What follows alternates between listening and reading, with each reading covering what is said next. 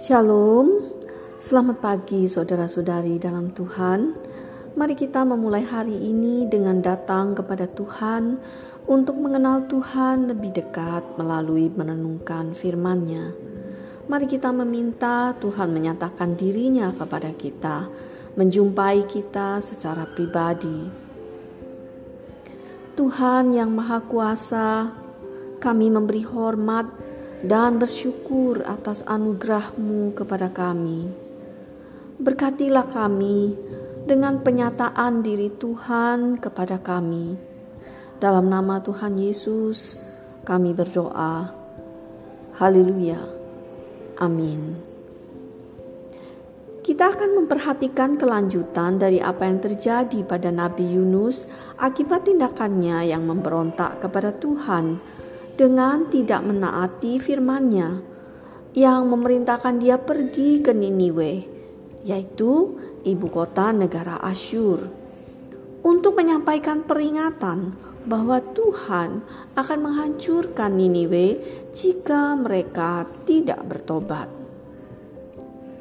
Nah, sungguh mengherankan bahwa Nabi Yunus yang mengenal Tuhan adalah Allah semesta alam penguasa seluruh bumi, maha tahu, tetapi justru memilih pergi menuju ke arah yang berlawanan dengan yang Tuhan perintahkan.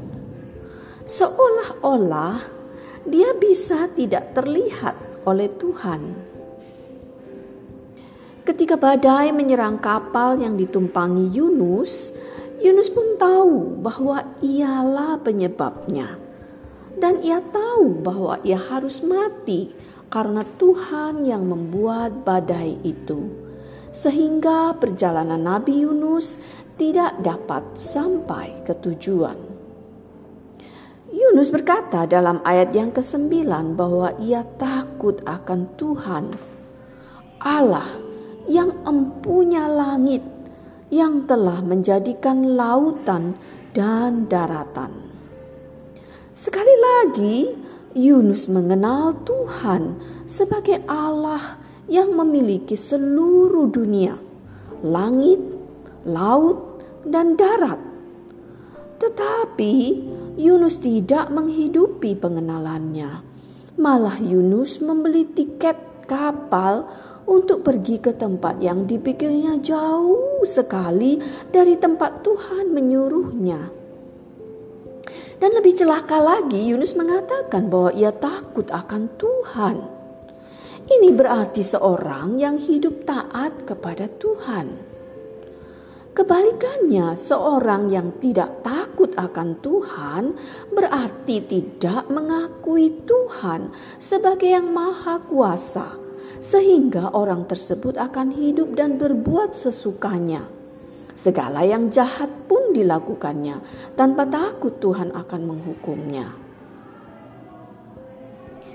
Nah, ketika Yunus menyadari bahwa tidak ada pilihan lain bagi dia karena toh Tuhan tahu di mana dia berada dan apa yang sedang direncanakan Yunus, maka Yunus harus menghadapi konsekuensi dari keputusannya untuk tidak mau menaati Tuhan, yaitu mati.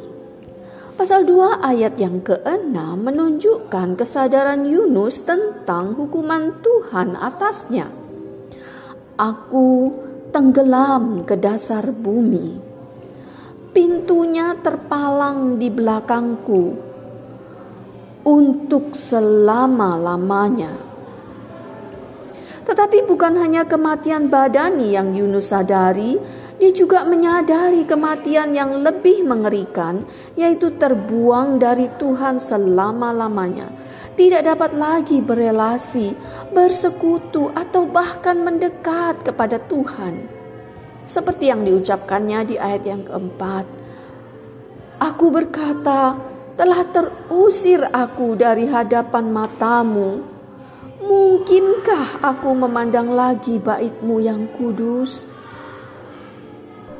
Persis seperti Adam dan Hawa ketika tidak menaati Tuhan Begitu juga Kain. Kejadian pasal 3 ayat 23 dan 24 berkata ini. Lalu Tuhan Allah mengusir dia dari Taman Eden supaya ia mengusahakan tanah dari mana ia diambil. Ia menghalau manusia itu dan di sebelah timur Taman Eden ditempatkannya beberapa keruk dengan pedang yang bernyala-nyala dan menyambar-nyambar untuk menjaga jalan ke pohon kehidupan. Lalu kejadian pasal 4 ayat 11. Firman Tuhan kepada Kain. Maka sekarang terkutuklah engkau terbuang jauh dari tanah yang mengangangkan mulutnya untuk menerima darah adikmu itu dari tanganmu. Engkau menjadi seorang pelarian dan pengembara di bumi. Demikianlah dosa, yaitu tidak menaati Tuhan, mengakibatkan terpisah dari Tuhan yang Maha Kudus. Tidak dapat manusia yang berdosa mendekati Tuhan, karena pasti akan mati. Bukankah kita juga dapat melakukan hal yang sama seperti Nabi Yunus? Kita dikuasai oleh keinginan hati kita, sehingga segala pengenalan kita tentang Tuhan tidak berdaya guna. Kita tidak mempedulikan firman Tuhan. Kita menutup telinga kita terhadap apa kata Tuhan. Kita tidak mau dengar lagi, sekalipun yang memberitahu kita adalah orang yang menyayangi kita. Begitu kuatnya keinginan kita sehingga tidak mampu lagi mengingat konsekuensi atau hukuman dari Tuhan terhadap ketidaktaatan kita.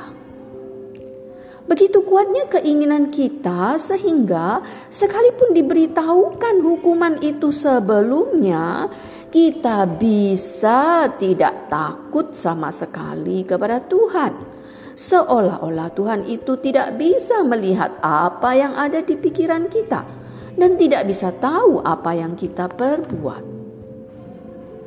Dan bahkan seolah-olah Tuhan itu tidak ada kuasanya sama sekali untuk menghukum kita. Karena keinginan yang sangat kuat, kita dapat menjadi sangat berani melawan siapa pun yang menghalangi kita untuk mewujudkannya. Dari pasal 2 ini kita melihat kasih karunia dan kesetiaan Allah kita begitu besar dan dalam kepada kita. Tuhan tidak ingin Yunus binasa, maka ia mengirimkan seekor ikan besar untuk menelan Yunus sehingga Yunus mempunyai kesempatan untuk berbalik dari dosanya dan datang kepada Tuhan. Yunus pun menyadari dosanya dan bertobat. Ia berseru kepada Tuhan seperti di ayat 2 dan 7. Dari tengah-tengah dunia orang mati aku berteriak. Teringatlah aku kepada Tuhan dan sampailah doaku kepadamu. Yunus bertobat sungguh-sungguh seperti pernyataannya di ayat 9 dengan ucapan syukur akan kupersembahkan korban kepadamu. Apa yang kunasarkan akan kubayar. Tuhan mengampuni Yunus. Dan itu dibuktikan dengan ikan yang sangat besar itu bisa mendekati darat dan memuntahkan Yunus ke darat. Saudara-saudariku, jikalau saudara-saudari sedang menuju ke arah yang dilarang Tuhan, segeralah berbalik arah.